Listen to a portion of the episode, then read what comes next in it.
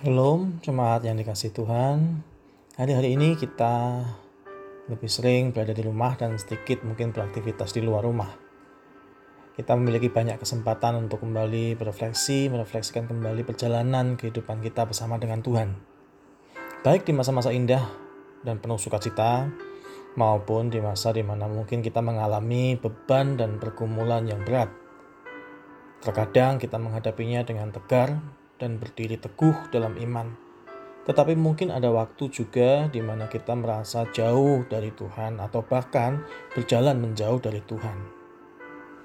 Di saat-saat yang paling gelap dalam kehidupan kita ini, Tuhan hadir, Tuhan berada bersama dengan kita.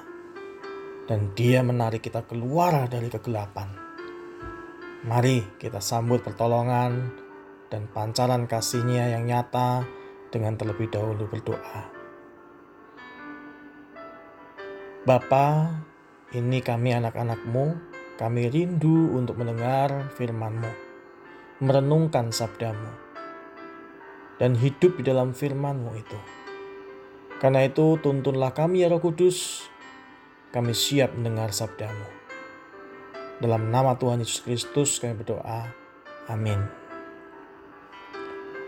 Bacaan kita hari ini dari Mazmur 139 ayat 7 sampai 12. Demikian bunyi firman Tuhan. Ke mana aku dapat pergi menjauhi rohmu? Ke mana aku dapat lari dari hadapanmu? Jika aku mendaki ke langit, engkau di sana. Jika aku menaruh tempat tidurku di dunia orang mati, di situ pun engkau.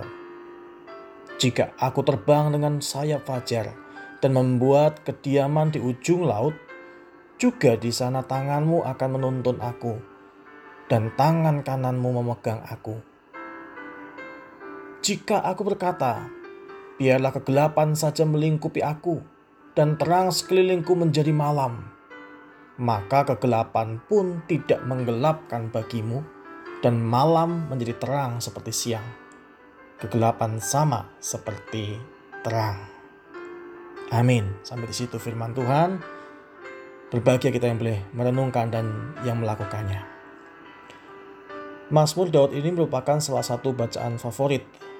Sebuah mazmur yang mengungkapkan pujian kepada Tuhan. Pujian atas apa? Pujian atas kasih dan pemeliharaan Tuhan kepada umat. Daud merasakan betapa penyertaan Tuhan selalu hadir dalam hidupnya. Dan bahkan terutama di masa-masa gelapnya masa-masa susahnya. Daud menyatakan bahwa tidak ada tempat di dalam dunia ini di mana kita bisa lari dari penyertaan kasih Tuhan. Ke mana pun kita pergi, ke langit ataupun bahkan ke dunia orang mati sekalipun Daud katakan, di sana pun Tuhan ada. Kehadiran Tuhan akan menerangi hidup umatnya. Bahkan ketika kita mungkin tersesat dan berada di tempat yang paling gelap. Ini yang Daud rasakan dan pahami tentang Tuhan. Seberapapun banyaknya musuh-musuh Daud, Tuhan menolong dan mengangkat Daud kembali dari keterpurukan. Di dalam Yesus kita melihat gambaran yang lebih jelas tentang penyertaan dan pertolongan Tuhan. Seberapapun kuasa dosa yang mengikat manusia, Tuhan tetap datang ke dalam dunia memberikan terang dan pengharapan kepada umatnya dan puncaknya melalui penebusan di kayu salib, kebangkitan dan kenaikannya ke surga. Tuhan Yesus merengkuh jiwa kita sampai ke tempat yang paling gelap, yaitu dunia orang mati, dengan turut merasakan kematian kita di kayu salib. Karena itu benarlah jika Daud berkata, ke mana aku dapat pergi menjauhi rohmu? Ke mana aku dapat lari dari hadapanmu? Sebab tidak ada tempat bagi kita untuk lari daripada Tuhan. Dia ada bersama dengan kita. Ia ada dalam kehidupan kita. Bahkan di masa-masa gelap kita.